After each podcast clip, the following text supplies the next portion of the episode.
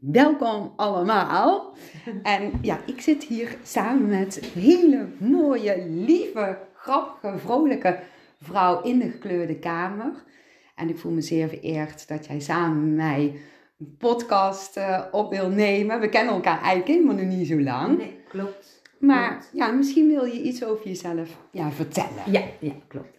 Nou, uh, mijn naam is Isabel en uh, ik ben ja, per toeval Um, ik denk misschien uh, drie kwart jaar geleden ben ik op jouw podcast terechtgekomen. Ben ik echt vanaf moment één ben ik gewoon alles gaan luisteren. Je had er toen al heel veel. En uh, ik dacht echt, ja, jij snapt het. Jij, uh, ja, het kwam heel hard bij mij binnen. Nou, daarnaast heb ik ook vaak heel erg moeten lachen. Want als jij dan uh, doei doei zei, dan zat ik in de auto, ik luister, luister meestal in de auto, en dan schreeuwde ik altijd terug, doei doei! dus het had voor mij, het, had dus, het heeft dus waarheid, het heeft vrolijkheid, het heeft ook, ja, het, verdrietige dingen mogen voorbij komen. Heel veel, um, ik heb heel veel van jou geleerd en ik leer nog steeds heel veel. Dus op basis daarvan, toen ben ik eens naar jouw site gaan kijken en toen zag ik dat je ook uh, consulten geeft. Nou, ik ben zelf coach-counselor. Ik, heb, hè, ik ben van huis uit ben ik uh, psychotherapeut. En ik dacht, ja, dat wil ik. ik dus ik heb een afspraak met jou gemaakt. Toen ben je zo'n bolletje van mij gaan maken. Zaten we hier ook in deze kamer.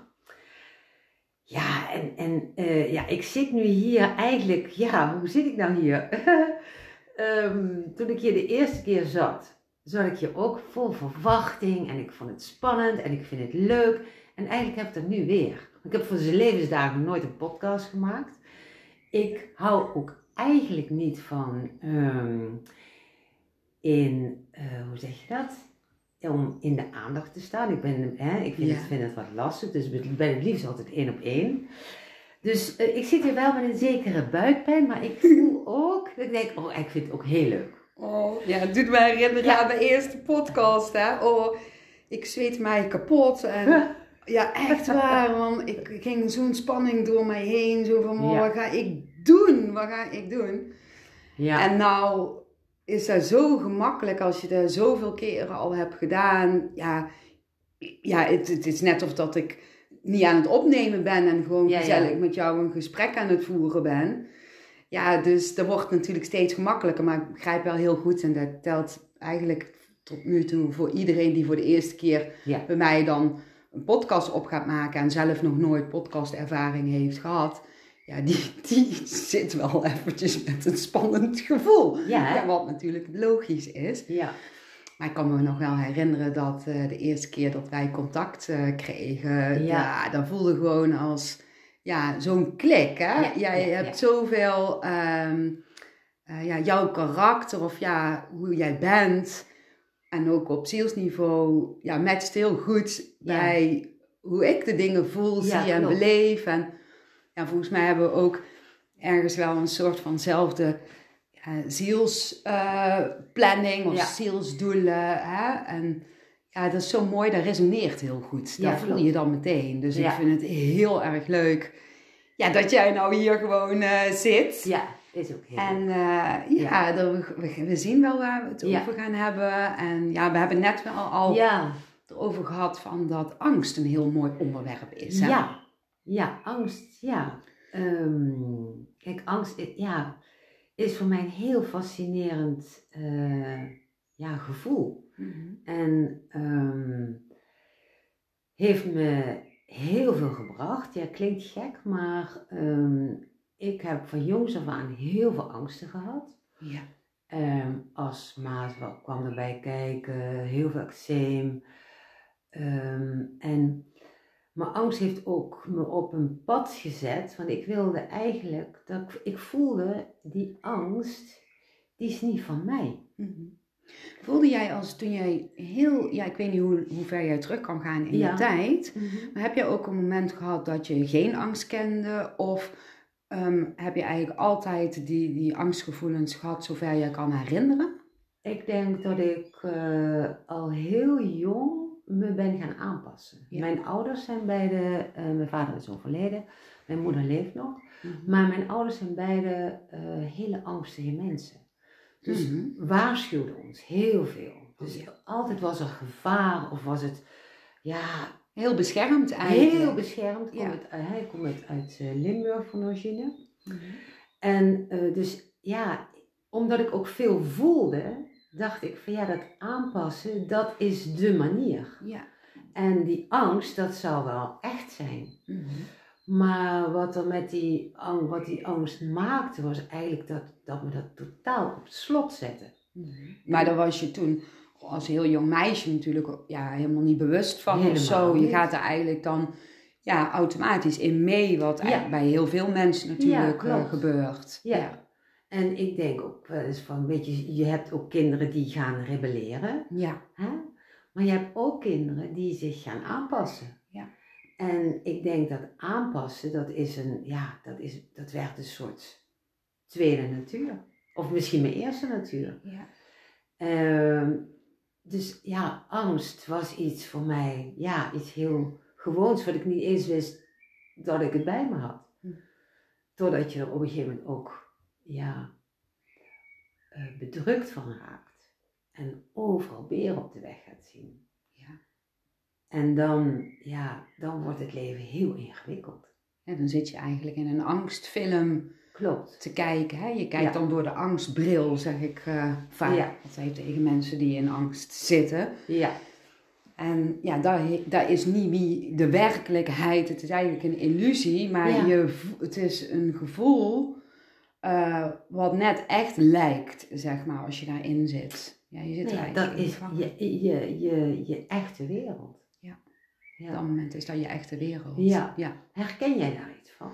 Ja, nou ja, ik moet zeggen dat ik in eh, mijn jeugd is heel ehm, vrij en daar kende ik helemaal geen angst. Hoewel mijn moeder wel heel bezorgd eh, altijd was. Maar ik heb zelf helemaal geen angstervaringen ehm, gevoeld. Fijn. Eh, ja, totdat ik, ehm, ja, eigenlijk totdat dat gedoe is gebeurd met dat seksueel misbruik. Ja. Dat was op mijn twaalfde. Daar heb ik ook een podcast over gemaakt, al heel lang geleden. En ehm, ja, daar heb ik angst, ben ik in angst gaan zitten. Ja. En ik heb het natuurlijk heel lang voor mezelf gehouden als een geheim. Ja. En ik werd eh, door die man ook eh, ja, gestalkt en bedreigd. Ja. Dus die hield mij heel klein. Dus ik zat, ja, ik, ik zat ook gevangen in eh, angst. En, En hoe, hoe vertaalde die angst zich in jou? ja, dat was echt verschrikkelijk. Dat was echt verschrikkelijk, want je, je kent eigenlijk niet echt angst, weet je wel. En ineens zie je in alles angst. Ja. Dus eh, ik begon ook dingetjes te zien die er misschien helemaal niet waren. Mhm. Dus bijvoorbeeld als ik onderweg naar schooltje fietste en er bewoog iets in de struikjes, dacht ik dat die man daar stond. Ja, ja, ja. Snap je? Dus Mhm. je gaat echt een, een hele rare eh, ja, horrorfilm creëren. Ja. Nou, en op een gegeven moment loopt dat op, loopt dat op. En dan wordt het alleen maar erger. En ben je eigenlijk van alles bang. Ik kan me ook nog herinneren als dan de telefoon ging. Want die man die belde mij regelmatig. Dat was dan, dan had je nog geen mobiele telefoon hè. Dan had je gewoon zo'n telefoon met een kabel. Die zat vast. En die stond op de bar bij ons in de Ja, ja. keuken. Nou, die, die ring van die telefoon. Die ging zo dwars door mij heen. En dan Ja. ben je helemaal gespannen, alsof Precies. je helemaal verstijft. Ik, ja, verstijft. Ja. Helemaal bevroren, verstijft. Ja. En ik durfde niet op te nemen en ik was heel erg bang dat iemand anders opnam. Ja. Hè? Want stel je voor dat hij dingen gaat zeggen waardoor ja, iedereen weet wat het geheim is. Ja. Nou, ja, dat is verschrikkelijk natuurlijk. Ja. En eh, dan eh, krijg je ook te maken met niet goed meer slapen, nachtmerries, want je gaat steeds, eh, steeds gaat het meer oplopen. Ja. En eh, ja, dat, dat, dat, dat, dat loopt op, dat loopt op. En toen op een gegeven moment is dat wel eruit gekomen, maar pas na twee jaar. Dat is lang. Ja, dat is, eh, dat is best lang. Dat is lang. En daarna ben ik ook nog heel lang in angst gezeten. En begon ik ook ehm, van andere dingen angst te ervaren natuurlijk. Want dat zit dan eenmaal in je systeem. Ja? Zo voelt het. En dan Ja. is het nog steeds niet weg. klopt. Zo, zo voelde ik het. En even kijken. Ja, wat ik ook nog wilde vertellen is, want je had het ook even over stress. Ja, Ehm, ik kan me nog herinneren dat ik een van mijn eerste vriendjes zei. Van, oh ik heb zoveel stress altijd. En dat ik dacht van, ik weet helemaal niet wat, wat jij bedoelt. Ik, ik, ik Ja. wist helemaal niet wat stress was, ja. het woord of zo. Mhm. En daar heb ik eigenlijk door hem, heb ik het leren kennen, herkennen wat het Ja. was. Ehm, want hij zei tegen mij van ja, dat is eh, ehm, ja, dat je je overal zorgen om maakt en dan voel je je eigenlijk niet goed. En sinds hij dat tegen mij heeft gezegd, heb, ben ik stress in mijn systeem gaan zetten, zo voelde het. En ging ik me nog meer zorgen maken om alles. Ja. Gek hè? Nou Ja. ja, dan Eigenlijk. Het, het haakt. Ja, Hè? Het, Ja. een, ehm, en ik denk ook, of kijk, ik denk ook dat angst een normaal, hè, een, een normale emotie is. Ja. Hè? Die hoort gewoon bij ons. Net als boosheid, net als verdriet, net als vreugde. En soms is angst ook goed, hè? Heel want- nuttig. Ja, Ja, eh, hè, en als je dan naar de oertijd, of nee, verder terug, ja, nee, naar de oertijd kijkt, ja, dan eh, moet je de emotie angst wel hebben om te kunnen overleven natuurlijk. Hè? klopt. Dus, maar ik heb het gevoel dat die wel heel erg door is geslagen ja. en dat we hem overdreven zijn gaan gebruiken. Nou ja, en ik denk, kijk, stress, ik, ik weet dus niet in hoeverre mensen zich ervan bewust zijn dat als ze stress ervaren, dat daar angst onder zit. Ja. Hè, dus op het moment dus dat je, en dat het heel normaal is. Ja. Dat het heel normaal is in deze tijd dat je stress hebt. Ja. Ehm, maar dat er iets, iets, ja, dat het ook wel het leven heel ingewikkeld maakt. Ja, ja, dat klopt, zeker. En ja, en voor mij is het een soort van, eh, ja, ik zou niet willen zeggen missie, maar wel, ehm, ik weet hoe beklemmend het is als je veel angst hebt of veel stress hebt, maar ook hoe bevrijdend het is als je vanuit vrijheid kunt leven. Ja. Dus voelt van, hé, hey, ik kan iets, ehm, die, die angst, die zet me niet meer vast. Mhm. Ja, zeker. Dus- Ja. ja, wat er ook nog even in me opkomt is, want het klopt misschien niet helemaal wat ik zeg, want vanaf Mhm. mijn twaalfde zeg ik, heb ik ja, echt die angst gevoeld, heel bewust. Maar ineens schiet me toch te binnen tijdens nou dit gesprek dat ik ehm, ja, als kind voelde ik al de energie van overleden mensen en vond ik de dood allemaal helemaal geweldig en zo. Maar op een gegeven moment leerde ik dus dat hoe ik het zag en ervaarde en voelde, Mhm. dat dat niet klopte met hoe de omgeving Ja. zag. Ja. Dus ik geloofde heel sterk in een hiernamaals en ik had een eigen dierenkerkhof en ik ging super vaak eh, naar het kerkhof waar Ja. ons broertje Ronnie eh, lag begraven en dan ging ik gewoon al die graven af en plukte ik een bloemetje en maakte ik een tekening en kreeg ik een soort van verhaal te voelen van de overleden personen die daar lagen en dan vond ik gewoon helemaal ja gaaf, eh, net of dat een mijn vriendengroep Ja. was zeg maar. Ja, ja.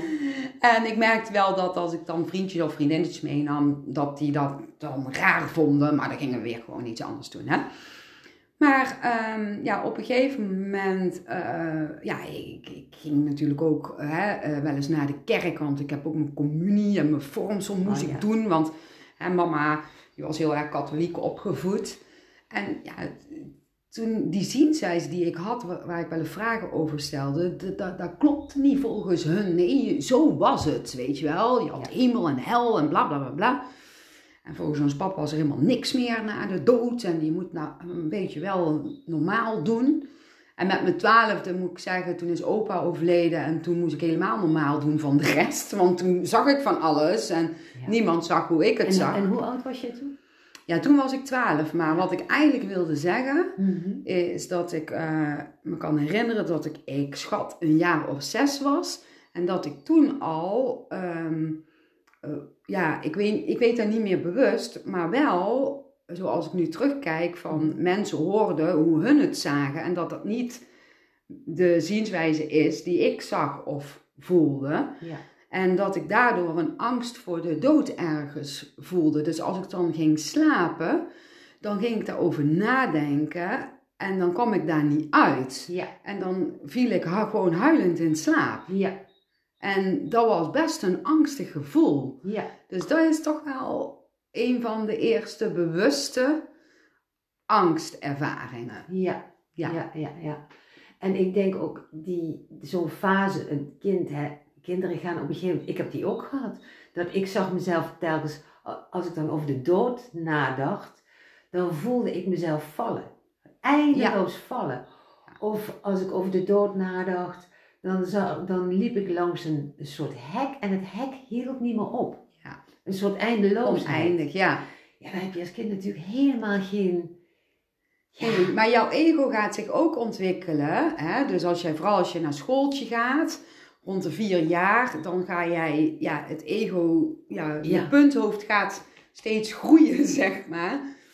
En jij ervaart een, een bepaald gevoel, wat maakt heeft met jouw ware kern, hoe jij de dingen, ja, van jouw innerlijke weten ervaart eigenlijk, in verbinding met die bron.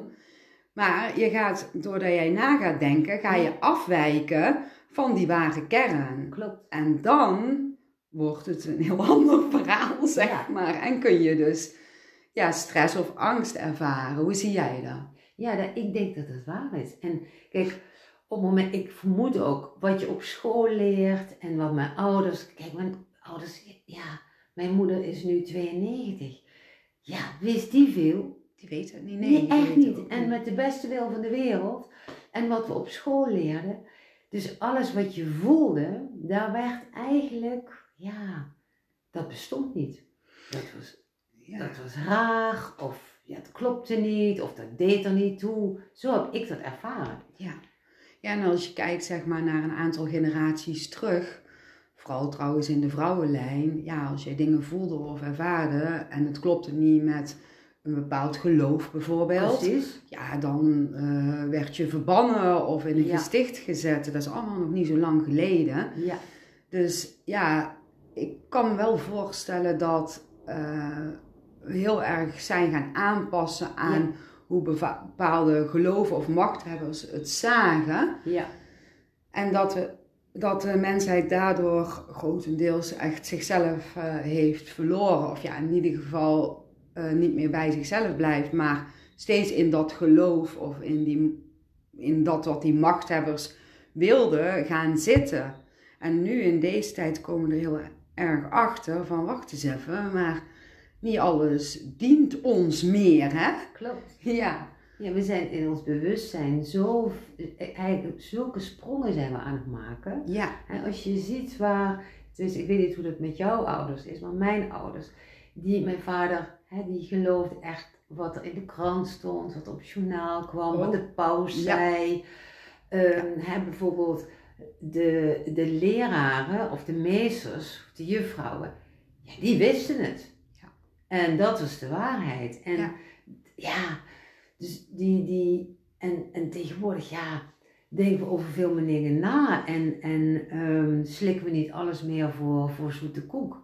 Ja. Ehm, en ja, zijn er ook heel veel mensen die zeggen van ja, dat geldt in ieder geval voor mij. Ik ben op een gegeven moment, ik dacht ja, ik ga die kranten niet meer lezen. Het, het is begonnen als een experiment, omdat ik dacht, ja, het maakt me bang. Iedere keer al die berichtgeving. En ehm, wat is waarheid, hè?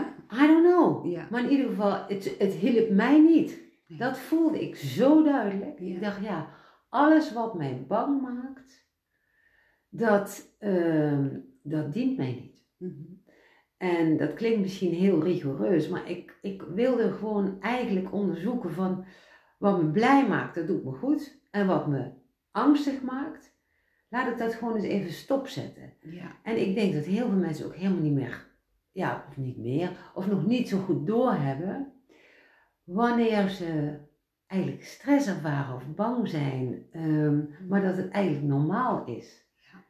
Ja. En ja, Ja, dat ze in een soort van ja, nog onbewuste staat eh, verkeren eigenlijk, als het Mhm. ware. Dus meer ja, vanuit eh, het hoofd de dingen zien wat ze aan hebben geleerd of mee hebben gekregen. ja, eh, vanuit de invloed van buitenaf en ook wat ze natuurlijk mee hebben gemaakt. ja, dat je dan nog in een soort van, ja, zoals ik het dan altijd zeg, ja, hypnose staat van zijn bent, een Ja. onbewuste staat van zijn.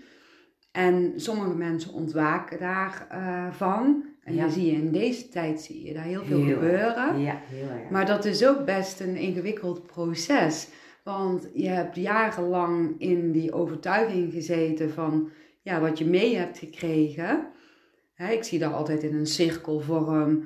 En jij bent opgevoed vanuit die cirkel, vanuit die omgeving en wat je mee hebt gemaakt.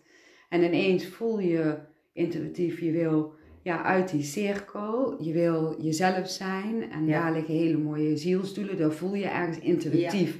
Alhoewel je misschien niet helemaal precies weet hoe die zielsdoelen eruit zien, maar je krijgt er Je wel een goed gevoel van. Maar dan sta je eigenlijk in zo'n, ja, op zo'n keerpunt, of hoe noem je zoiets. ja. En ehm, jouw gedachtenwereld, dan het punthoofd, die eh, vindt natuurlijk alle veranderingen die jij zet in die nieuwe, op die nieuwe weg doodeng, want die kent die niet. En die houdt van die ja, zogenaamde veiligheid vanuit die cirkel. En dan, wat er dan gebeurt is dat je dus, als jij een nieuwe stap intuïtief wil nemen, dus je voelt van, hé, hey, dit lijkt me leuk, of ik wil me met die verbinden, ja, dat je dan jou, jouw punthoofd jou probeert over te nemen om toch ja, hetzelfde te doen wat je deed. Klopt. En de mensen die nog eh, ook in hun punthoofd eigenlijk gevangen zitten, dus in diezelfde cirkel eh, nog zitten, hè, die, is nog, die nog onbewust daarvan zijn, die hebben zoiets van, wat gaat zij nou doen? Want dat is niet veilig, kom terug. Dus eh, ik heb heel erg meegemaakt in die omkeer eh, dat eh, als ik dan stappen nam om voor mezelf te kiezen of grenzen aan ging geven, heel voorzichtig, want dat durfde ik natuurlijk niet meteen heel concreet, Ja, ja, ja. Dat andere mensen daar echt iets van vonden en dat dat voor mij ontzettend moeilijk was om door te zetten en omdat mijn punthoofd me ook nog probeerde over te nemen om dan niet te doen wat ik intuïtief voelde, ja, zie daar maar eens doorheen te komen. Dat duurt even, hè? Ja, dat is, dat is een hele lastige tijd. Ja, heb jij die tijd ook zo eh, een Ik- beetje ervaren? Ja, ik ervaar nog steeds. Ja, ik ook hoor. Maar ik bedoel, je hebt dan een. ehm, ja, nu, nu zijn we er bewust van. Hè? Nu Ja. kun je er veel anders mee omgaan. Maar het, eigenlijk het, ja, het moment dat jij voelt dat je ja, uit die cirkel mag stappen. Dus eigenlijk het omkeermoment. Ja. eh, omkeerproces of Ja. fase, of hoe je het ook wil noemen. Ja, Hoe ging dat bij jou? Daar ben ik Ja. Kun je daar iets van vertellen? ja zeker. Ehm, eigenlijk die, die ehm, eh, ehm, in 2019 ben ik gestopt met roken. Ja. En eh, roken dempt eigenlijk gevoelens, emoties. Nou, maar goed, ik was van het een op het andere moment gestopt. Ik was er klaar mee. Ehm, en dat liep eigenlijk vrij moeiteloos. Eh, maar ik had helemaal nog niet door wat de impact was van het feit dat ik was gestopt. Mhm. Wat ik wel merkte was dat ik ehm, emotioneler werd. Ik kreeg een korter lontje. Ehm, en eh, vervolgens eh, brak eh, corona uit. Oh ja. Dus we zaten in, in de COVID-tijd. En ehm, alle ja, groepsbijeenkomsten, clubjes, dingetjes, viel eigenlijk allemaal weg. En ik heb mijn, mijn coronatijd als, ja, was voor mij een hele goede tijd. Ja. Omdat ik daarin eigenlijk kon, ja, steeds meer bij mezelf terecht kon komen. Want al die groepjes en clubjes en dingetjes vielen weg. Ik werkte wel gewoon. Ehm, dus ik werkte en ik ja, ik weet niet, op de een of andere manier kon dat zelf, dat kon gaan groeien. Dus ehm, op het moment dat we weer, ehm, ja, dat we weer open gingen, toen dacht ik, ja, eigenlijk, ik voelde zo'n weerstand voor ehm, groepjes, voor clubjes. Ik dacht, als ik dit nou eens een tijdje gewoon eens on hold ga zetten. Nou ja, dat was natuurlijk, ja, dat was niet fijn. Mhm. Ehm, dan, dat gaat ook, eh, met vriendschappen was het moeilijk. En vonden Ja. andere mensen daar dan wat, wat van dat jij voor jezelf koos? Ja. je dat? Ja. Eh, ze vonden het eh, lastig en ongezellig, maar ook wel, ja, ja, hoezo dan? En maar dat hoezo kon ik niet zo goed onder woorden brengen, want ik zat eigenlijk in een soort transitie, dat ik voelde van ja, ik, ik zit op een spoor waar ik me heel fijn bij voel. Ja. En ehm, daarvoor was ik eigenlijk in een aanpassingsstaat. Mhm. En nu, doordat, doordat ik gestopt was met roken en met dempen, Ja. kwam ik eigenlijk in een soort, ja, ik ontdekte mezelf. Ehm, en eh, ik ging ook een soort van moed ontwikkelen en lef. En ehm, ja, het, het, het was een heel. Dus ik, ik was ook echt. Ik dacht, ja, dit is wat ik wil. Ik wil trouw zijn aan mezelf. Maar dat, dat vond ik niet makkelijk. Met mijn familie niet, met vrienden niet.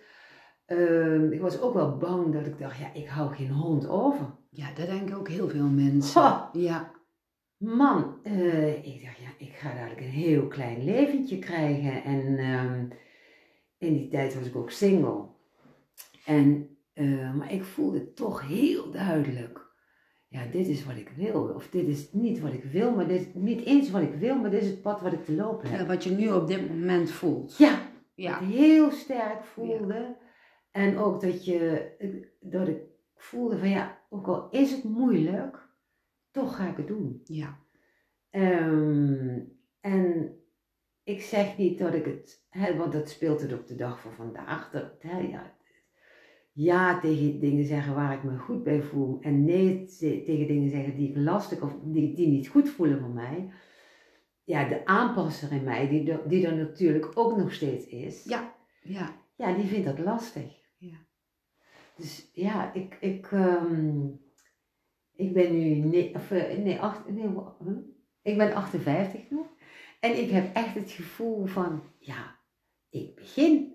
Ik begin net. En dan hoor ik in mijn omgeving wel eens, ja, hoe lang blijf jij nog werken? En nee, hoe lang blijf ik nog werken? Eh, ik begin net. Ja. Ik, ik heb nog zoveel wat ik wil ontdekken. En ja, het, dat hele levendige, dat, dat, dat voel ik heel sterk in. Ja, daar straal je ook heel erg uit. Ja. Dat is zo mooi. Ja, Ja.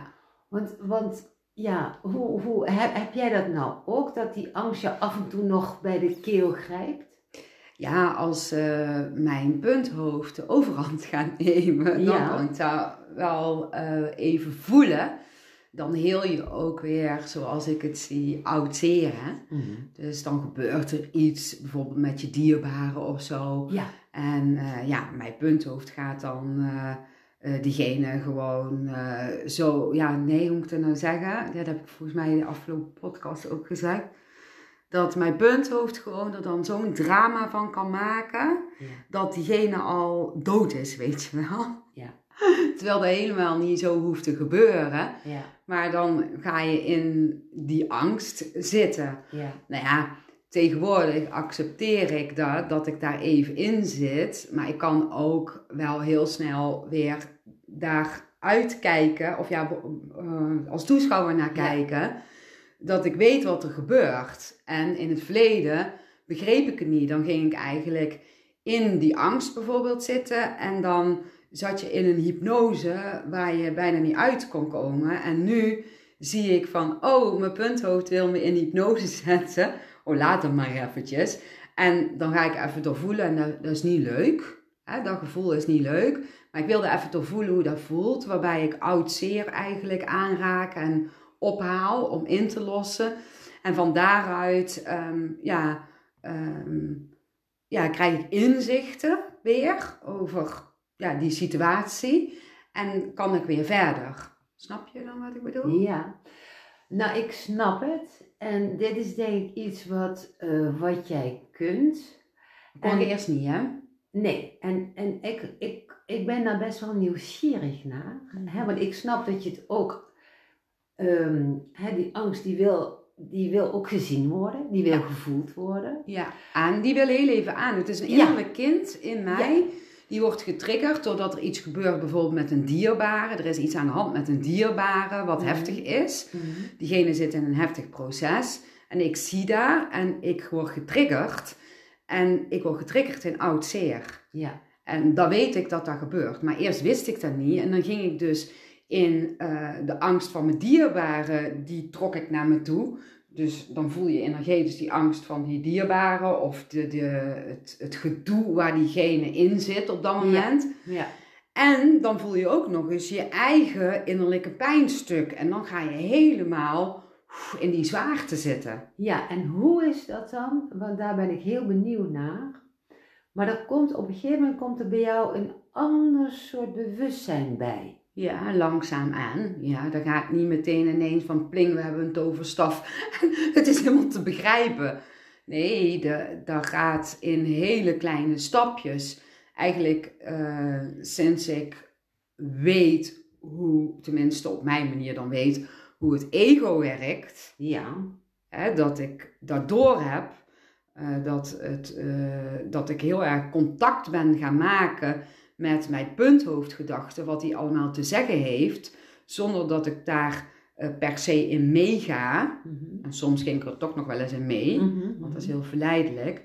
Maar leerde om echt toeschouwer te worden van die mind, zeg maar. En ook leerde wat mijn goed planhoofd vertelde, want er zijn dan weer hele leuke gedachten die wel dienend zijn voor mijn andere mooie zie- zielsdoelen. Maar ik kwam er dus achter dat mijn ja, punthoofdgedachten, dat die eh, dus in verbinding stonden met oud zeer. Of wat je systemisch meekrijgt, wat niet van jou is eigenlijk. ja, Hè, en eh, daar ben ik eh, mijn eigen in gaan verdiepen. Ja. En mm, toen snapte ik het ook nog niet meteen. Maar dat vind ik dan niet erg, want ik weet dat als ik mijn eigen daarin ga verdiepen en ik ga mijn energie erop zetten, dat het steeds helderder en duidelijker wordt. En wat me ook heel erg heeft geholpen is dat ik heel veel in de droomwereld heb gezien van de aardse versie, hoe situaties er aards uitzien, lieten ze zeg maar een soort van, ja, ik zag een licht en in dat licht, ik zag twee lichten. Eén licht was de aardse versie, hoe aards het gezien wordt, een situatie. En dat was dan een soort van bioscoopscherm waar je kon, naar kon kijken. En daar voelde ik precies de aardse zienswijze. Ja. En het andere scherm was de zielsniveau zienswijze. Dus wat er allemaal met elkaar in verbinding staat, waarom die si- situatie zo is. Mhm. En daar heb ik echt mega veel van geleerd. En ik, dro ik droomde dat en daar werd ik ook wakker van. En dan zag ik het en dan vloeps komt mijn ego er weer bij. Ja. En dan was alles weg, Ja. maar toch had ik het gedownload, die informatie. En dan ging ik er daarna over nadenken met mijn punthoofd. En die wilde dat snappen, want dan moeten we het nu snappen. En dan werd ik heel onrustig daarvan. Dus ik heb toen ook meteen geleerd van oké, daar heb je gewoon gedownload die informatie. En die informatie eh, die is er. En op het moment dat jij er bewust van mag worden, eh, word je er bewust van. En nu is jouw onbewuste daar al mee bezig. En zo heb ik met heel veel engelen geduld, Ja. ja, ben, ik, ben ik dingen gaan ja, ervaren en steeds meer gaan zien. En op een gegeven moment zie je het steeds duidelijker. En ik heb het gevoel, nu zie ik het aan de ene kant best wel al duidelijk. Mhm. Maar ik weet half nog niet wat, hoe het zit. Want het is zo interessant veel. En dat vind ik dan weer zo leuk. Ja, is ook. Ja, dus ja, het is niet zeg maar dat je ehm, een boek kan lezen en je snapt het. Het is door dingen die gebeuren, ga je het op een gegeven moment begrijpen en bewuster van worden. Ja. En natuurlijk zou ik iedereen aanraden om, eh, ja, informatie te luisteren of te lezen. Ja. Hoe het ego eh, werkt, eh, hoe dat in elkaar zit, de mind. Ja. Hè? En, en hoe energieën werken als jij ook net zo onderzoekend bent als, als ons. Dan, dan ja, zou ik zeggen, ga alsjeblieft ehm, ja, daar je energie op zetten als je dat leuk vindt. Hè? Ja. En soms heb ik ook momenten gehad dat ik gewoon even helemaal geen zin had in informatie te lezen of te horen. Omdat ik gewoon even ja, met andere dingen bezig was. En dat is ook oké, weet je wel. Maar je hebt gewoon heel veel geduld nodig. Ja. Maar door informatie tot je te nemen die resoneert Ja. met jou. Hè? Want soms heb je ook informatie waarvan je zoiets hebt van... Ja, nee, dit is te zweverig of dit is veel te wetenschappelijk. Kan ik helemaal niks mee. Ja. Hè, dat kan, want iedereen is anders en elke, ehm, bij iedereen past wel andere informatie. Maar als jij een gevoel hebt van... Wauw, dit is fijne informatie. Ik krijg daar gewoon zo, wauw, zo energiegevoel van. Ja, dan zit je goed. Precies. En dan zou ik zeggen, ja, ehm, pak die informatie, want van daaruit gaat jouw innerlijk weten jouw eigen inzicht te geven en dan ga je ontwaken. Ja. Ja. Ja. Ja, en ik denk ook, ehm, maak er tijd voor vrij. Mhm. Hè, het is iets wat ehm, eh, ik heb. ehm, ik heb wel een aantal rituelen, heb jij dat ook? Ja, s ochtends. Ja. Eh, dat is iets wat een soort van. Ik word wakker, ik ga douchen, ik ga mediteren en daarna ga ik altijd lezen en schrijven. En ehm, want ik voel gewoon dat dat mij goed doet. Dat ik dat, dat die eerste aandacht naar mezelf toe gaat. Ja. En niet naar mijn telefoon of naar andere mensen of naar wie dan ook.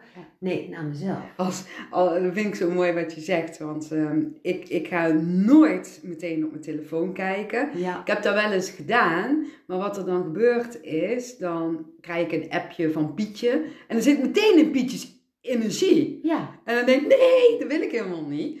Ik wil even in mijn eigen energie Klopt. zitten. Maar ja, dat is voor iedereen ook weer anders. Want als jij dat juist wel fijn vindt om meteen op je telefoon te kijken, prima.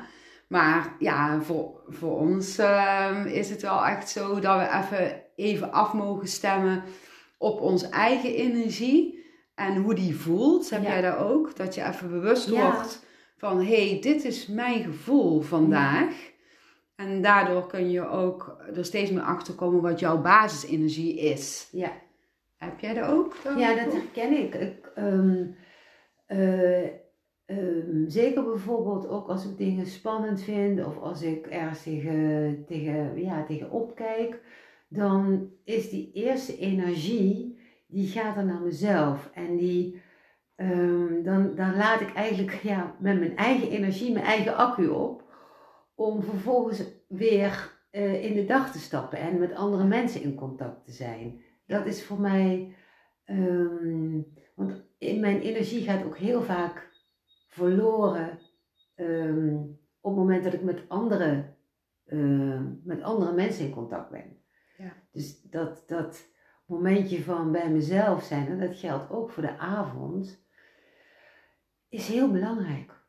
Ja, en als je bijvoorbeeld dan overdags ehm, ja, een gesprek hebt met iemand. Ja. Ehm, ja, wat ik dan doe is, want ik weet hoe mijn energie voelt, hoe mijn basisenergie is. Maar als ik dan een gesprek heb of iemand komt hier, maakt niet uit wat, of telefoontje, eh, dan eh, blijf ik wel heel goed bij mijn eigen energie tegenwoordig. Dus Ja. ik, ik, ik zet mezelf heel, heel sterk neer. Dus Ja. Ben heel, heel bewust van mijn eigen energie. Die geef ik een kleur en die zet ik ook echt neer. En ik merk heel duidelijk ehm, ja, hoeveel procent energie ik krijg van iemand. Dus als ik al van tevoren invoel van... hey, van jou krijg ik maar 5% energie, dan ga ik het heel kort houden natuurlijk. Hè? Mhm, mhm. Want doe ik dat niet, dan ga ik mijn eigen energie weggeven. En dan floot het ook helemaal niet. En dan heeft die ander Ja. ook helemaal niks aan. Klopt.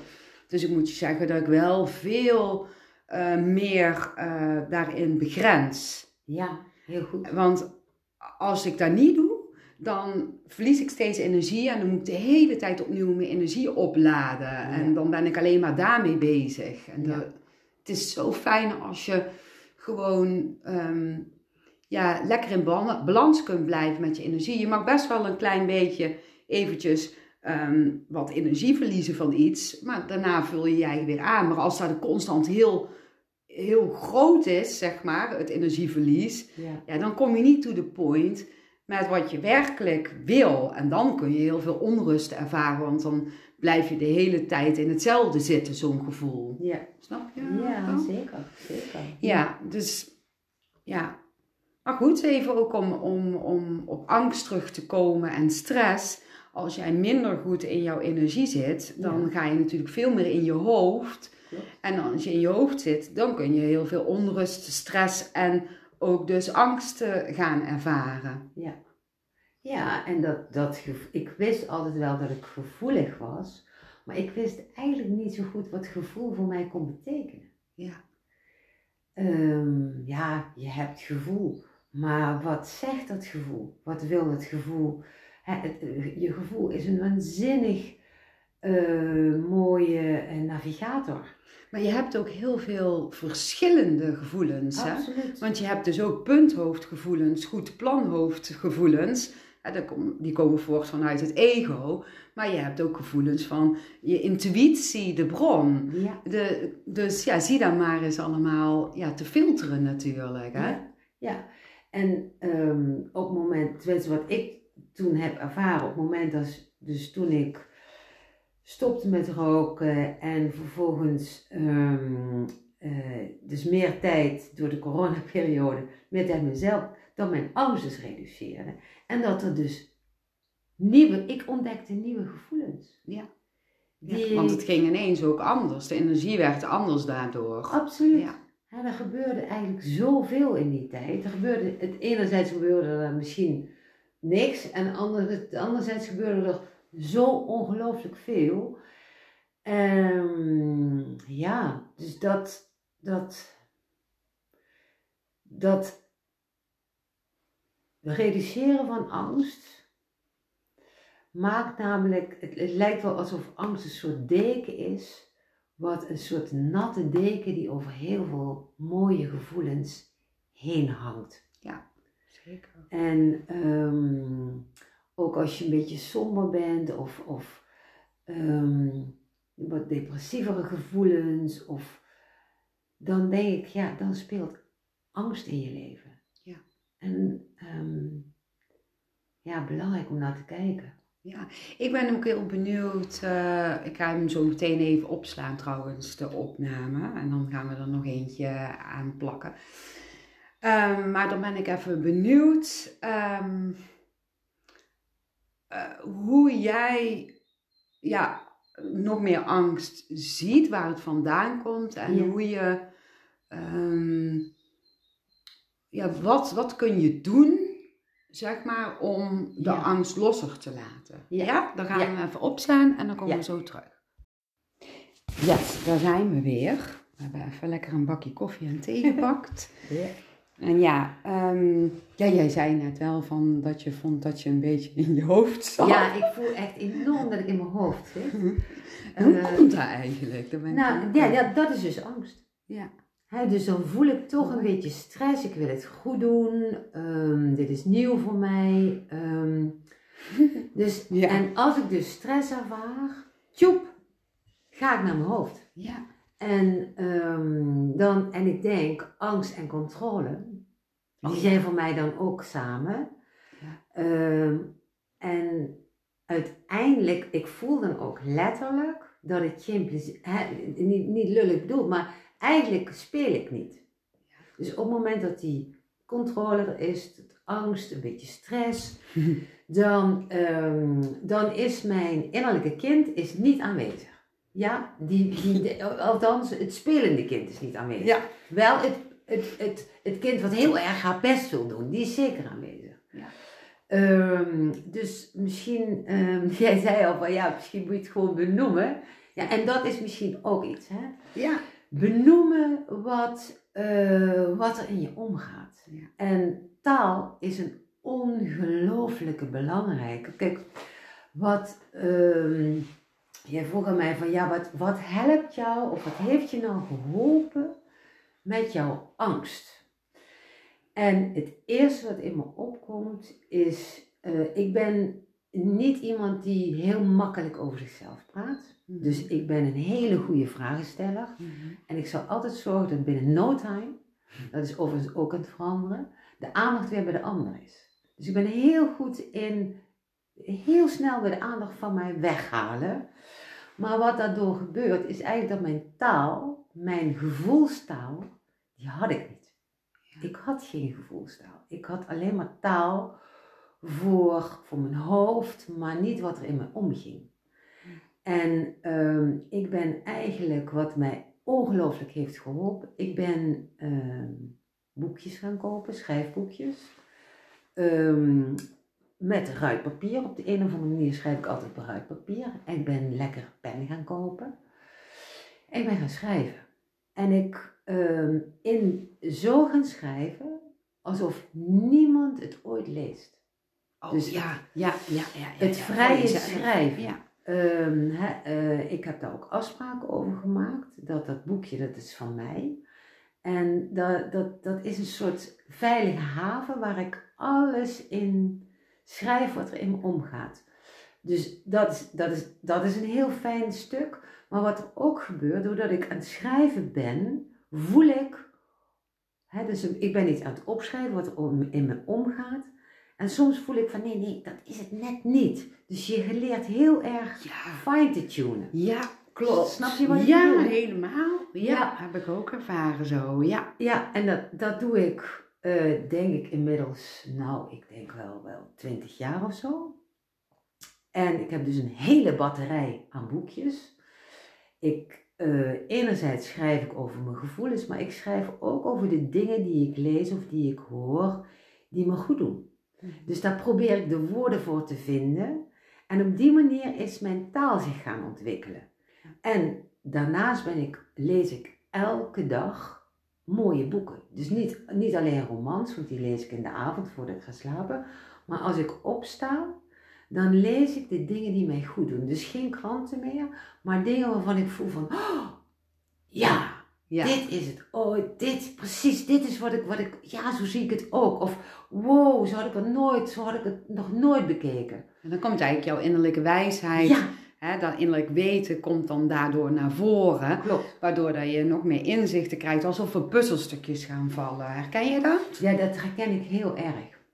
Ik, ehm, je, je, de- er ontstaat een soort, je voelt, ja, je voelt het kwartje vallen. Ja. Je voelt van, ja, dit klopt. En er opent zich iets in je. Het, of, althans, zo, zo ervaar ik het. Op het moment dat ik dus schrijf of ik lees, je, je- ik ga ook helderder, ja, hoe zeg je dat nou? Ja, je krijgt heldere inzichten Ja. daarvan. Ja.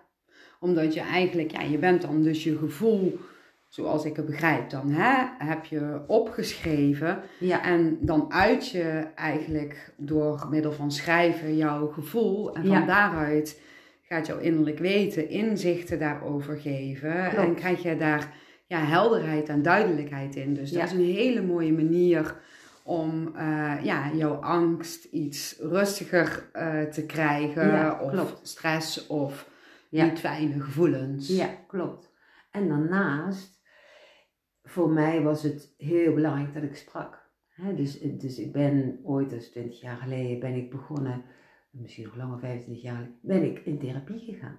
Ja. En niet zozeer omdat ik nou het gevoel had dat er iets met mij aan de hand was, maar meer van dat ik dacht van ja, ik, ik voel wel iets, maar, maar wat? Ik leren praten vanuit het huis had ik echt nul geleerd om te praten. Nee. En ga praten en misschien met, eh, met vriendinnen is ook heel fijn, of met vrienden, met je partner. Maar ook met iemand die helemaal los staat van jou. En ehm, ja, dat, dat ga op onderzoek, wees nieuwsgierig. Ehm,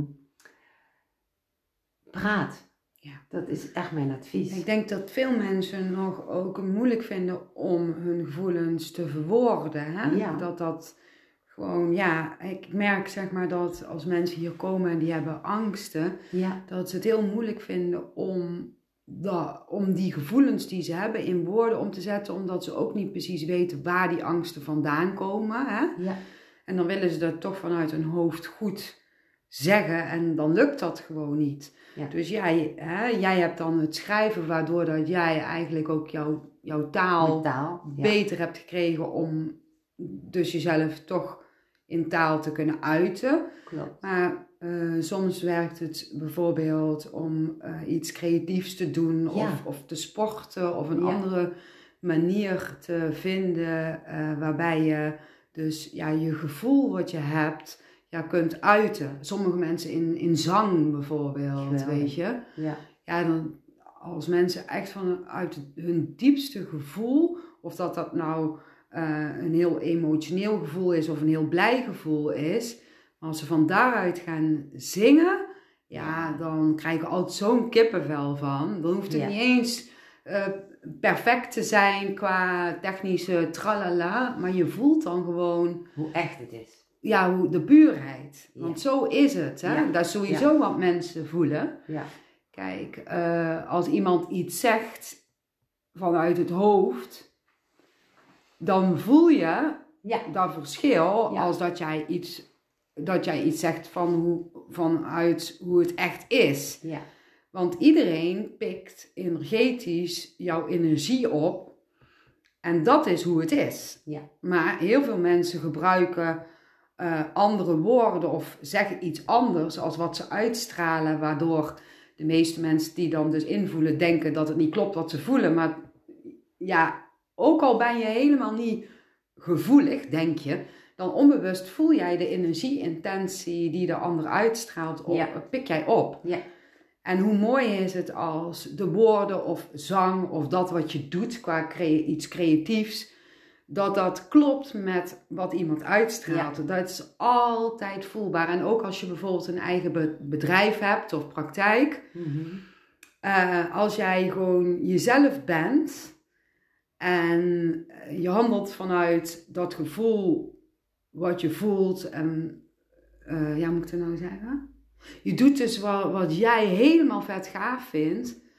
Ja, dan trek jij mensen naar je toe. Maar hoe vaak zie je dat mensen andere mensen weer na gaan doen? Ja. Of filmpjes op social media van... eh, eh, hè, waarbij je ziet van, ja, nu kun je een ton per jaar verdienen en dan moet je het zus en zo doen. Dat hoeft helemaal niet voor jou zo te gelden. Ja. Het hoeft helemaal niet bij jou te passen. Dus het is zo belangrijk dat jij ja, naar binnen gaat. Dus contact maakt met jouw innerlijke zelf en dat jij van daaruit gaat voelen eh, wat bij jou past. Ja. En daar hoeft voor eh Truusje of Pietje of Jantje helemaal niet zo te zijn. Nee, klopt. En dat is denk ik voor de mensen die, gele- die hebben geleerd om zich aan te passen, Ja, heel lastig. super moeilijk. Ja, die Ja. zitten dan echt, oh, hè, die, die hebben eigenlijk helemaal niet dat, dat zelf wat, wat ehm, Die zijn ze even kwijt. Die, hebben ja. ze wel, maar die zitten ergens in de onderlaag.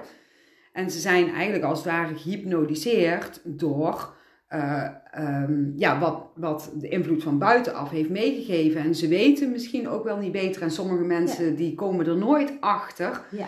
Die, die blijven dat doen totdat ze doodgaan. Maar de meeste mensen zijn dan wel aan het ontwaken van, hm, Absoluut. er klopt iets niet. Ja. En dan kom je bij dat ene proces uit. Ja, Ja, dat, dat, je... gevoel van, het klopt niet of dat klikgevoel, dat je denkt, yes, Ja, dat, dat, dat, dat is iets wat je, als je, ik, ja, dat ga je op een gegeven moment ga je dat tegenkomen, dat ga je voelen. Of je bent het zo zat om je aan te passen, dat is ook zo'n moment Ja. dat je denkt, oké, Ja, en dat kan lang duren, dat moment. Dat je al heel lang, al jaren, Ja. als ik even over mezelf spreek, het zo zat bent en nog steeds niet to the point komt. En dat je denkt van, hoe dan Sandra? Wanneer ga je to the point komen? ja, Maar dat je toch nog even doorgaat met aanpassen. Klopt. En je gaat nog even door en nog Ja. een paar jaar ga je door. En dan Ja. opeens, Ja. ja, bij mij ehm, eh, was het zo dat ik eh, steeds ziek werd. ja,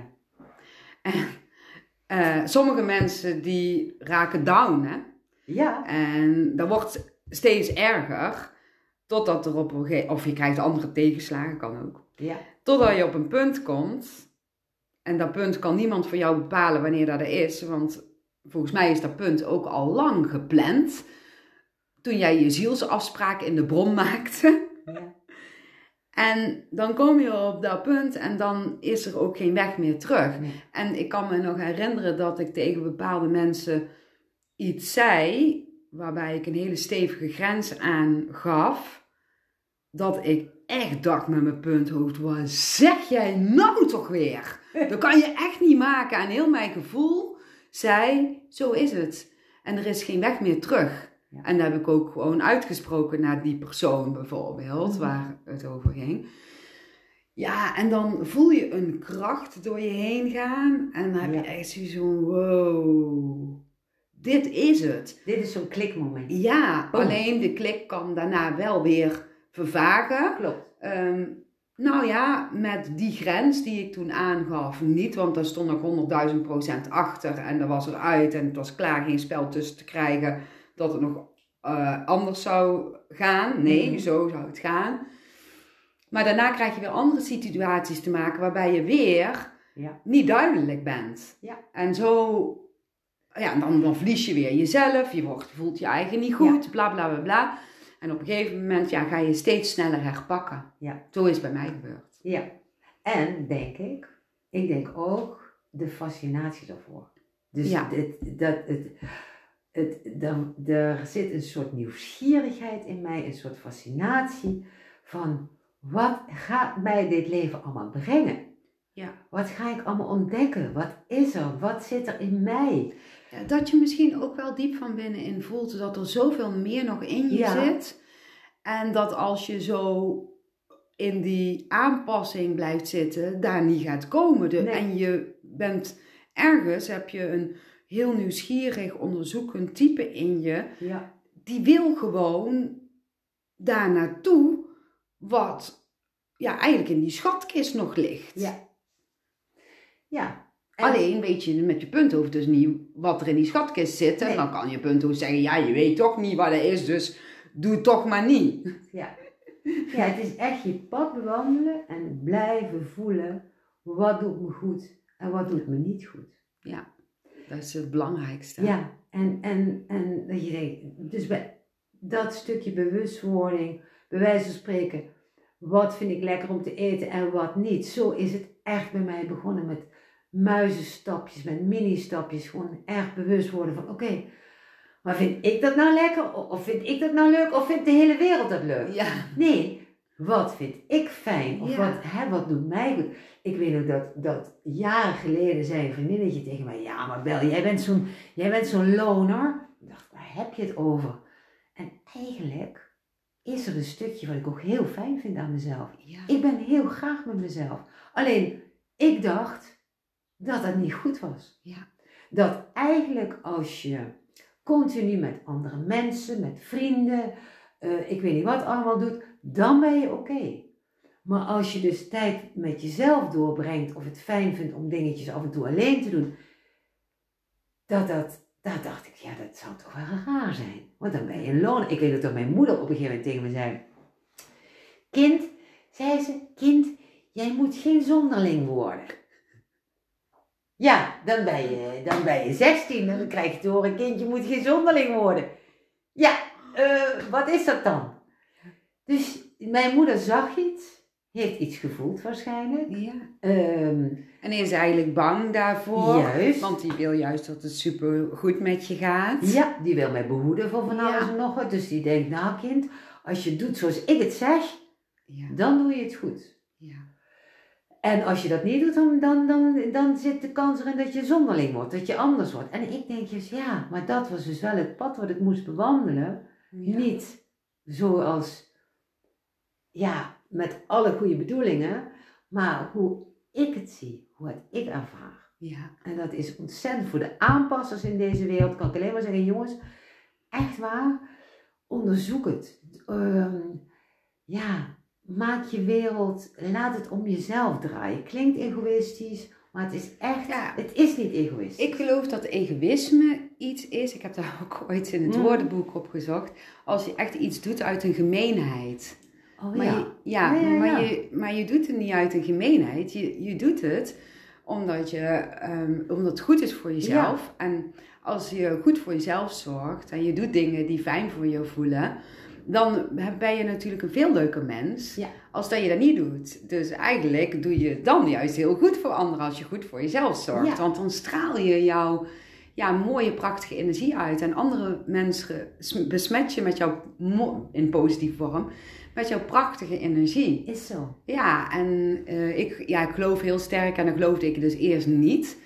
Ehm, maar dat eh, als jij goed voor jezelf zorgt, dat dat het grootste geschenk is wat je een ander kunt geven. En een ander kan daardoor wel getriggerd worden omdat hij gewend is dat jij aanpast. Ja, Maar je helpt een ander nooit door aan te passen als jij energie daardoor verliest.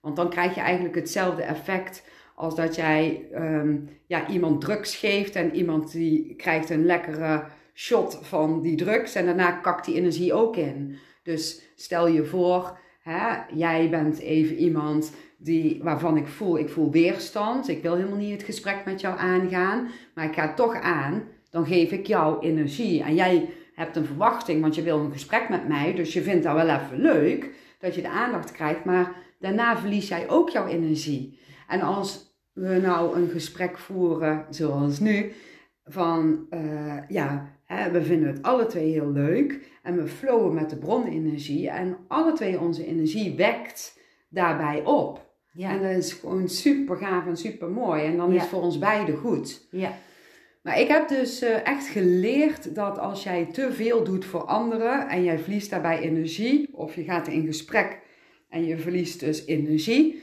dat dat niet goed is ook voor de ander. Terwijl ik aan heb geleerd vanuit de invloed van buitenaf dat dat juist wel goed is. ja, maar ja, als jij te veel bijvoorbeeld eh, zorg draagt voor jouw kind, terwijl ze eigenlijk het zelf mogen doen, dan leren ze nooit hun verantwoordelijkheden te pakken. is zo. Ja, en hoeveel mensen nemen de verantwoordelijkheid van de ander op hun schouders? Met, de- met die goede bedoelingen. Ja, met de goede bedoelingen. Maar da- dan voelt dat voor jou als een last. Ja, Kijk, je bent gewoon verantwoordelijk voor jezelf. Kijk, en als je nog een jonge baby hebt, oké, dan dat is een ander verhaal. ja, Maar als jouw kinderen in de tienertijd zitten, dan mag je al die verantwoordelijkheid helemaal los gaan laten. Want die leren op dat moment hun verantwoordelijkheid al te pakken. ja, ja, Maar soms zie je hè, mensen van 80, 90 jaar die zich nog steeds verantwoordelijk voelen voor bijvoorbeeld voor hun kinderen of voor wie dan ook. ja, Ja, en dan ben je eigenlijk, tenminste zoals ik het zie, hè, ehm, ja, niet je eigen leven aan het eh, volgen, maar het leven van anderen. Dan zit je de hele tijd in een andere film. Maar goed, als dat jouw zielspad is, dan is dat natuurlijk ook prima, hè. Want voor sommige mensen is dat nodig en heeft hun ziel voor die weg gekozen. Maar als jij daar heel veel weerstand bij voelt om de verantwoordelijkheid van de ander op jou te dragen of weerstand voelt bij iets wat je doet en je wordt daar bewust van, dat voelt helemaal niet goed, dan is het nodig om te gaan handelen. Hè? Dus echt durven die grens aan te geven. Begin met kleine stapjes bijvoorbeeld. ja, Hè, dat, dat zo. Dat, echt waar, dat, dat geeft je zoveel energie weer terug, eigenlijk, als het ware. Ja, je behoudt gewoon jouw energie, maar je krijgt voor mijn gevoel nog zelfs energie bij, omdat je voor jezelf kiest. Ja, Ja. dat is zo. En je maakt zulke mooie ontdekkingen. En het staat jezelf toe. Echt, jezelf, het mag, het mag echt. ja, En ik denk, kijk, de generatie van onze ouders en waar wij nu zijn, laat staan de, eh, onze kinderen weer, ja.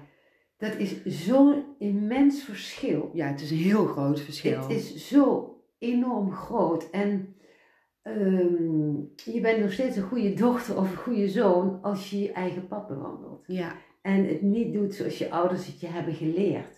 Ja. Ik denk dat dat wel een groot verschil is met de generaties voor ons ja, en hoe het nu is. Dat daar ja, zoveel veranderingen hebben een plaatsgevonden. heel snelle verandering. enorm. En die maatscha- de maatschappij en eh, ja, de, de, de, de oude zienswijze, zeg maar. Ja, Ja, dat da, da is het is zo'n groot contrast Ja. Dat eh, de maatschappij nog steeds wil eigenlijk in heel veel gevallen dat het zo gaat zoals het eerst was. Maar dat je ziet dat dat gewoon ja, onmogelijk lijkt te zijn en dat iedereen daarop vastloopt. ja. Ik vind het wel super vet gaaf om in deze tijd te leven. Ik hoor. ook. Maar weet je wat ik wel heel jammer vind? Nou, Dat ik, ja, ik weet niet hoe. Nee, ik- ik moet het anders zeggen. Ik, heb- ja, ik wil eigenlijk, ik vind het leven nu. Er gebeurt zo verschrikkelijk veel. Niet alleen in de buitenwereld, maar ook in, de bin, in mijn binnenwereld. ja. En dan denk ik, oh, ik wil dit, ik, ik wil dit wel, wel, wel 300 jaar. Omdat ik zo benieuwd ben, waar gaan we naartoe? En ik wil mijn steentje bijdragen. En Ja, maar je draagt in dit leven nou al je steentje bij en dan ga je nog verder in. Volgens mij word je hartstikke oud, want je hebt nog zat te doen en je ziet Ja. er keijong uit. Ja, dus, en je voelt je eigenlijk, doordat je doet wat je wil doen, voel je je eigen gewoon, ja, gewoon twintig, weet je wel, tenminste. Ja. maar dan in een volwassen, bewuste versie. Maar je kunt toch ook gewoon, hè, stel je voor, want we hebben natuurlijk niet het eeuwige leven. En we gaan eh, weer terug naar het hiernamaals. Ja. Nou, weet je wat we doen? Dan gaan we gewoon gezellig weer een volgend leven uitkiezen. graag. Dan gaan we lekker vriendinnen worden. Of misschien wil jij wel mijn zus zijn of zo. Ja, maar wie weet, wa- waren we dat al? Ja, En dus, dat kan. dus- en dat is zo, zo, zo, ja, ah, ik weet het ook niet. Ja. Weet je wat ik ook trouwens denk? Het is een beetje een gekke gedachte. Mijn vader is overleden. Het, ehm, ik denk altijd, hij weet iets wat ik nog niet weet. Ja, dat geloof ik zeker. Mijn moeder had op een gegeven moment wist dat ik in haar buik zat. Maar dat wist ik niet. Dus we rollen door allerlei fases heen. En dan denk ik, ja, mijn vader die, die weet iets wat ik nog niet weet. Maar ja, ik geloof dat als je overleden bent, dat je dan eh, heel bewust dus alles ziet. En dat je dan ook weet wat jouw zielsplanning is, bijvoorbeeld van, hè, dus stel je voor, ik ga nu dood, dan kan ik terug, dan kan ik terugkijken naar mezelf, hoe alles in elkaar zit en hoe dat dan is verlopen. Maar ik kan jullie, voor mijn gevoel dan ook volgen. En ja, dan zie je heel duidelijk en heel helder wat de zielsplanning is van je dierbare of van wie je het ook wil voelen. Ja. En sommige overleden eh, mensen die eh, gaan dan ook, ehm, ja, kunnen ook een stukje begeleiding geven aan de levende mensen. En ja, bijvoorbeeld, eh, ik kan beter denk ik even een voorbeeld geven. Ehm, ja, eh, bijvoorbeeld, eh, stel je voor, ja, eh, je hebt een moeder en die moeder die vond het altijd heel erg belangrijk wat andere mensen zeiden of vinden. En heeft heel haar leven lang zich aangepast aan ja, anderen. En die geeft dat dus ook weer door aan haar dochter. Ja. En die moeder die komt te overlijden en ineens ziet ze hoe het is verlopen. Hmm. En ziet ze dat zo die goed bedoelde eh, Adviezen? adviezen die ze heeft gegeven aan haar dochter, dat die haar dochter helemaal niet meer dienen, omdat haar dochter een hele andere zielsplanning heeft. En dan kan die moeder een bepaalde energie sturen. Ik weet ook niet precies hoe dat gaat hoor. Waardoor dat die dochter onbewust dat oppikt. En in sommige gevallen misschien wel bewust zelfs. En eh, dat die dochter van daaruit oude patronen kan doorbreken. En dat dat ook weer helend is voor die vrouwenlijn. Eh, dus de vrouwenlijn die in de al overleden is. Maar misschien krijgt die dochter ook wel een dochter. Dus dat is dan heel erg Ja, helend mooi. voor ieder. Ja, ja, ja. ja. Dus je kunt, eh, sommige overleden mensen hebben een bepaalde zielsplanning ook daar in die zielenwereld om energie te sturen naar nog te levende mensen, om die ja, lichtelijk bewust te maken. Ja. Maar ze kunnen natuurlijk niet de zielsplanning van eh, veranderen of zo. Hè? Dus stel je voor, ehm, hè, die eh, moeder is dus overleden en die dochter die heeft het heel moeilijk om oude patronen te doorbreken. Dan heeft zij daar ook voor gekozen dat dat ja, best moeizaam gaat. Maar ook dat moeizame is nodig om to the point te komen met haar verdere zielsdoelen. Ja. Dus het gaat altijd in het tempo wat de ziel heeft gekozen. Ik hoop dat dit nog voor iedereen te volgen is, wat ik nu allemaal zeg. Maar jij begrijpt hem wel, ja, hè? ik begrijp Wel. hem wel. Ja. Ik Ja. heb niet wat jij hebt, hè? Dus, dus het contact met overledenen, dat heb ik absoluut niet. Ehm, Ja, niet denk- bewust, maar misschien onbewust wel. zou kunnen, maar daar zit dus bij mij angst op. Ja, Dus want, maar jij zegt net dan kom ik zo bij die angst. Hè? Maar Ja. jij zegt net, ik heb het gevoel dat papa... Ja. Ja, dus dan voel jij wel iets, hè? Dan heb je wel Ja. contact met papa. Maar ja, jij hebt... ja ik, ik, kijk, en ik denk dat het een idee is.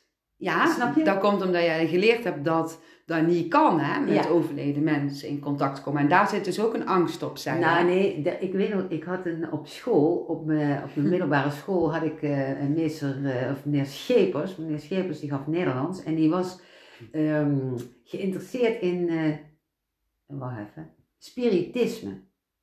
Zegt het goed? Ja, spiritualiteit, Nee. spiritisme. Oh, ja, kan, ik weet het niet. eh, Ik ja, heb hij- nooit het was, geen, gehoord. het was spiritisme en dat was dan dat hij eh, doden kon zien en op foto's, ik weet niet wat allemaal. En ik had toen een, een, andere jongen in mijn klas, Alfred, en dan gingen we, na school gingen we naar meneer Schepers en dan gingen we over ja, de dood praten. Nou, vervolgens wat er gebeurde, ik deed natuurlijk geen oog meer dicht. En mijn ouders wisten ook helemaal niet dat ik daarmee bezig was. Durfde je niet te vertellen? Nee joh, want ik voelde ook wel van ja, het is een beetje, een beetje raar wat ik aan het doen. Althans, ik voelde het, ik, ik, ik vond het namelijk heel eng. Heel, Maar ik ben wel even benieuwd ja. eh, naar hoe meneer Schepers dat dan deed. Nou, die, die, die vertelde ons over, dus hij voelde aan, aan ons dat we daar heel erg in geïnteresseerd waren. Ja. En dan zei hij van nou, ik wil daar best wel meer over vertellen. En dan kom je naar mijn huis en dan vertel ik over dat, over dat stukje spiritisme. En dan vertelde hij, ja, liet hij boeken zien. En Hoe Dus- oud was je toen dan? ik denk 12 of 13 of zo. Ja, en hij liet die boeken zien. En... En, ehm, ja, en, we, en we hadden het daar dan over. En ik denk op een goed moment voelde mijn moeder, denk ik, van er is iets met haar. Zij wordt bang. En ik, ik werd er heel bang van. Ik zag overal enge dingen en ik ging op een gegeven moment durfde ik niet meer te slapen. En, en toen kwam dit er dus uit dat ja, dat dat niet goed voor me was. En eh, dus ik heb een beetje, en dat heb ik nog steeds, van ik blijf daarvan weg. Want het heeft me toen echt naar de keel gegrepen. Ja. Toen Ja, dat- is bij mij een angst ontwikkeld. ja, ik kan me dat wel voorstellen, want je hebt natuurlijk meegekregen vanuit de bu- buitenwereld hoe die de dood ziet. Ja. En dat was Eh, negatief, hè? ja, Griezelig. Ja, ja. Ja. Dus dan sla je op in je systeem. En als dan zo meneer Schepers komt met eh, verhalen over de dood, wat een heel ander verhaal is als wat jij in je systeem hebt staan, dan krijg je verwarring. Ik kreeg En error. dan eh, kan dat heel beangstigend zijn. Ja. Maar als, je, als ik meneer Schepers had getroffen, dan was ik denk ik helemaal verliefd op hem geworden. Ja, zo grappig. Ehm, nou ja, ik denk dat hij een soort van, ehm, met geesten en hij had daar een soort, hij, hij bracht het ook niet op een lieflijke of fijne, dat Oh, je oh, snap je, dat is- het was dus een oh, manier, oh. het, Het was, ook, een- het ook een enge manier dan? Nou, het was een hele. ehm, nou, ik, het nee, ik dan? vind hem niet. Hij was niet eng, maar hij was een beetje een. ja, eh, een beetje een grijze meneer. Ja, mysterieuze vibe. Ja, die, waarvan je dacht, ja, wie, wie ben jij eigenlijk? Ja. Ehm, dus het was niet echt een.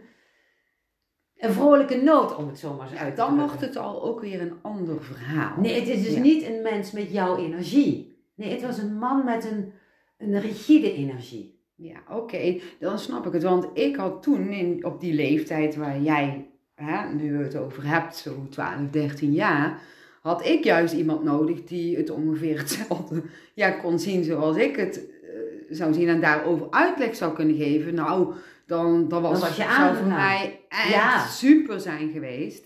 Maar er was niemand die ik kende die daar iets mee deed. Maar als ik dezelfde meneer Schepers zou treffen zoals jij nu hem beschrijft, dan zou het misschien voor mij ook ergens niet helemaal lekker hebben gevoeld, omdat Nee. er een rare laag op zit. Een angstige laag. Ja, dus dus hij, ehm, hij boezemde angst in.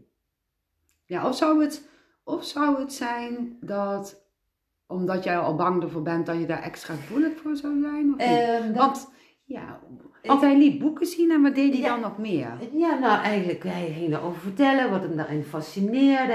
En ehm, hij vond het denk ik ook fijn om daarover te kunnen praten. Hmm. Ik, ik, eh, alleen ik dacht echt, eh, ik was nieuwsgierig en ehm,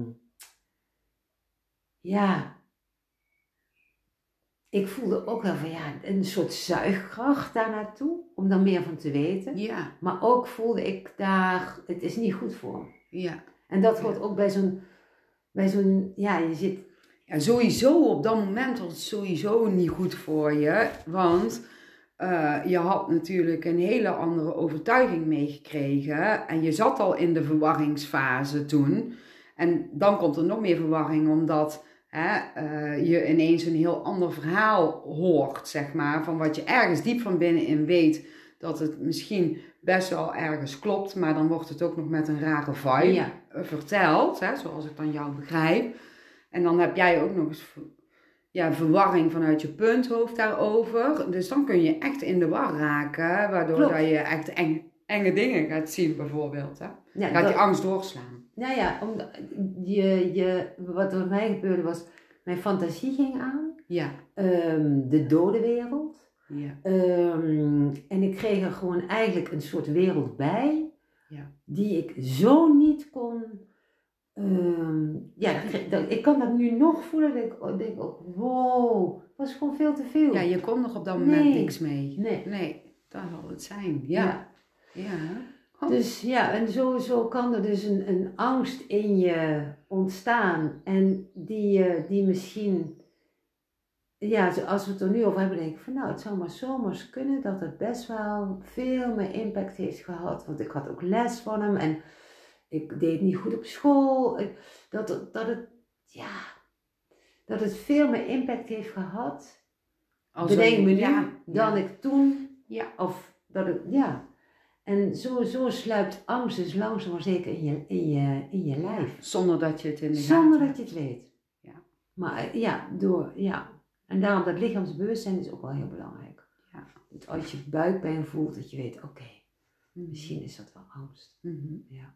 Ja, want heel veel eh, eh, klachten die je hebt, die hebben weer met ja, stress of angst of wat voor gevoelens dan ook te maken. Dat is ook Ja. interessant hoor, Ach, hoe dat Weet je- in, in elkaar zit. ja. Ja. En, ik, en ik, ik heb zo geleerd nu dat je, er zijn twee manieren om te leven. Even gechargeerd, hè. Je leeft uit angst of je leeft in liefde. Ja. Er is niks, er is niks tussen. Mhm. Als je in liefde leeft, dan is er, is er geen angst. Nee. Maar als je in angst leeft, kun je geen liefde voelen. Ja. Gaat niet. Ja, en dan is de kunst, hoe kun je in die liefde komen als je angstig bent. Ja. Want als je in de somberheid of depressie, in ja, de angst, eigenlijk ja, voelt het als een soort van gevangenis waar je dan in Absoluut. zit. is echt. Ja. Om dan nog eh, ja, het, de lichtpuntjes eh, te zien als je echt in, in helemaal vast zit. Dan is dat heel lastig natuurlijk. Hè? Ja. En ja, ehm, ik heb ook wel gemerkt dat, eh, ja, dat er voor mijn gevoel altijd wel een lichtpuntje is in de donkerste ruimte waar je ook zit. Ja. Maar ik kan me ook voorstellen dat je dat gewoon even niet ziet. En dat dat lucht- lichtpuntje vanzelf wel gaat schijnen. Maar ja, kun je daar nog op wachten? Hè? Want sommige mensen die vinden dat gewoon dan zo lastig en die zitten al zo lang ja, daarin. snap ik. Snap ik ook. Hè? Dus Ik hoop altijd dat het dus dat ook dit, het, dit, dit, dit gesprek tussen ons rijk uit. Hè? Dus Ja. met- hè, als je die angst voelt of de somberte, rijk uit. Hoe moeilijk het ook is. Ehm, en je zult trots zijn op jezelf. ja. Echt, je zult, je zult eh, het gaat je iets brengen. En de beweging van, hè, we hebben ons soms de neiging om ons terug te trekken als we ons niet goed voelen. Dus dat, dat, dat gold voor mij. En ik weet inmiddels, als ik me, als ik me niet goed voel, ehm, natuurlijk is het goed om af en toe alleen te zijn, maar rijk ook uit. Rijk uit. ja, durf te zeggen wat er Ja, in jou speelt. Ook al Ja. kun je het niet verwoorden, dan kun je bijvoorbeeld zeggen van... Goh, ik weet het eigenlijk niet te verwoorden, maar ja, het voelt gewoon niet lekker of zo Ja. bijvoorbeeld. ja, of voelt zwaar, hè? Ja. Dat kan. En je hoeft niet meteen uit te leggen waarom of hoe het zit. Ja, klopt. Maar ik vind wel dat er in de, als je kijkt naar de hulpverlening, dat de wachttijden zo lang allemaal zijn. Ja. Maar ik denk ook echt, weet je, mensen zitten in die bewustzijnsfase. Dus mensen zijn ook. Kijk, ik denk dat vroeger, ik weet niet. Ehm, ik denk dat het. ehm, Ja, ja, hoe zal ik het zeggen? Door, de door het bewust, de, de bewustzijn neemt toe, maar misschien nemen ook de angsten toe. Zou dat kunnen? nou ja, ik geloof dat als jij bewuster in het leven ineens gaat staan, dus jij wil uit die cirkel, weet je wel, dan gaat jouw punthoofd extra error geven Mhm. om jou weer terug te plaatsen in hetzelfde waar je eigenlijk niet meer blij bent. Ja. Dus stel je voor dat je eerst je eigen ontzettend hebt aangepast en je verliest daardoor jezelf en je wordt er ineens bewust van, ja, dat wil ik niet meer, ik wil veranderen. Dan gaat dat punthoofd, die gaat error geven en de invloed van buitenaf, die omgeving waar jij eerst in zat, die vindt jou ineens raar. Ja. Dus dat is heel moeilijk om dan ja, door te pakken met wat jij wil. En daarom is het belangrijk om je dan eh, te verbinden met mensen die het beste voor je voelen. Ja. Hè, en als dat de buurvrouw is of, of, of de loodgieter, maakt niet uit wie. Ja. Hè, maar dat, je, dat je daarmee omgaat dan, al is het maar één iemand. Ja, klopt. Klopt. Hè, maar het punthoofd zegt, ja, maar er is niemand. Je houdt helemaal niemand meer over als jij eh, ja, naar die verandering gaat. Hè? En dat is wat je dan denkt, dat dat ook echt zo is. Terwijl dat niet, is niet zo. Ja. Want als jij eh, ja, meer jezelf gaat worden, dan maak je je energie magnetisch voor mensen die, die, die daarbij horen. En dat is misschien wel even een overgangsperiode waarbij je eventjes er alleen door mag gaan. Hè, of maar één iemand even aan je zijde hebt die wat resoneert met je. Maar daarna komen er meerdere. Is zo. Ja. En dat vertrouwen, dat heb ik, dat, dat, daarvan kan ik echt zeggen, er, er komen Ja. nieuwe mensen. Dat is altijd zo. is echt. Is Ja. echt zo. En je zult echt heel vaak ook gedachten, dus heb ik ook gehad, gedachten hebben, nou dit komt nooit meer goed. Ja. Ja. Of ik hou geen hond meer over. Ja. En echt, heb vertrouwen. Het, ehm, er, komen, er komen nieuwe mensen op je pad. Er gebeuren nieuwe dingen. Ja. Ja. Oké, ehm, heb jij nog, wil je nog verder nog, nog iets, iets zeggen waar we vergeten zijn of zo? Of waar jij voelt van, oh, dat wil ik nog wel eventjes delen. Eh, nee. Ik- En, ja, Nee, weet je, dit is een onderwerp, daar, daar, kun, daar, daar, daar kunnen we eindeloos over praten. M- maar voor nu maar is voor het oké. vind, ik het, vind ik het goed, Ja. vind ik het, ehm, ja. En eh, stel je voor, hè, want natuurlijk gaan mensen luisteren naar deze podcast. Eh, en dankjewel trouwens dat je, jij die luistert, helemaal tot nu hebt geluisterd. Ehm, maar ik vind het dan wel fijn of leuk, mooi. Eh, wat zou jij nog mee willen geven aan degene die nu luistert? Ehm, ik wil tegen je zeggen dat je niet alleen bent, al voelt het wel zo. Ehm, ja, praat. Doe dingen die jij fijn vindt. En ehm, je bent niet gek, je bent gewoon helemaal één van ons. Dus je mag helemaal zijn met alles wat er is. Dat wil ik tegen jou zeggen. Mooi. Ja, Sowieso staat iedereen en alles met elkaar in verbinding. absoluut. Ja. Absoluut. Ja, bizar hoe het Ja. allemaal in elkaar zit. Ja. Ja. Ja, ja mijn toverzinnen zijn ehm, na de bijna doodervaring vooral geweest en eigenlijk nog steeds van alles wat energie kost, of wie energie, jouw energie kost, zeg maar, eh, laat ik in liefde los. En alles waar je energie van krijgt, trekt er als een magneet naar je toe. Is zo. Want dat past ook bij jou. Ja. Ja. Ja, geloof in jezelf en vertrouwen is altijd zo'n toverwoord ook, vind ik. Ja. Ja. En als ik even in een moeilijke periode zit, dan gaat er zo'n soort van energietrilling door me heen. Alles komt goed. Ja, dat is fijn. alles komt goed. Ja. Ja, en ik hoop, hè, stel je voor dat jij even in een wat minder stuk zit. Want misschien zit je helemaal niet in een rottig stuk. Misschien zit je juist in een super lekkere flow. Dan kan je genieten. alles goed. Ja, want die, die zijn er ook. Ja, Maar stel je voor dat je even wat in een wat minder lekker flow, lekkere flow eh, zit. Ja, heb vertrouwen, alles komt goed. Ja. Ja. ja. Ja. hey, Isabel, willen we nog een briefje pakken? Ja, oeh. Ja, voor de gezelligheid. We Ja, hebben hier een mandje met, eh, Ja. met de briefjes die mama vouwt. Zo schattig. Ja, oh, ik voel deze hier, die paarse. Ja. Welke wil jij? Ik wil de roze. Hij punthoofd zegt nou. Ja. Ja, Sandra, je moet Isabel toch eerst laten pakken? Waarom pak jij nou meteen deze? En, wel moet de bril pakken. Oh. Wel ziet niks. en dan zegt mijn gevoel van ja, maar maakt dat nou uit? Maar Jij voelde die toch? Ja. Oh. Welke nou? Dan mag jij ze hem eerst ja, oké. Nou, hier. Nou ik, nou, ik heb dus een roze papiertje. En dat is mijn lievelingskleur van vroeger, toen ik klein was. Ehm, en daar staat op, ik trek leuke energie, rijke, liefdevolle mensen naar me toe.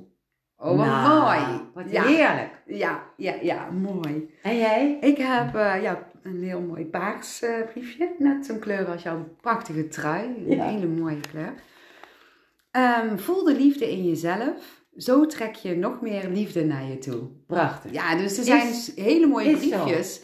ehm, die wel een beetje te maken hebben met wat we net hebben gezegd, toch? Absoluut. Ja. Absoluut. Nou, dan gaan wij eh, afsluiten, of hoe noem je zoiets? Ja. Dan, eh, ja, Isabel, ik wil jou super bedanken voor deze fijne podcast eh, en heel mooi gesprek. Ja, ik vond het heel Dankjewel. fijn. Dankjewel. En jij die luistert, ook super bedankt voor ja, het helemaal luisteren naar deze podcast. Heel veel liefs van ons Ja. en doei doei! doei!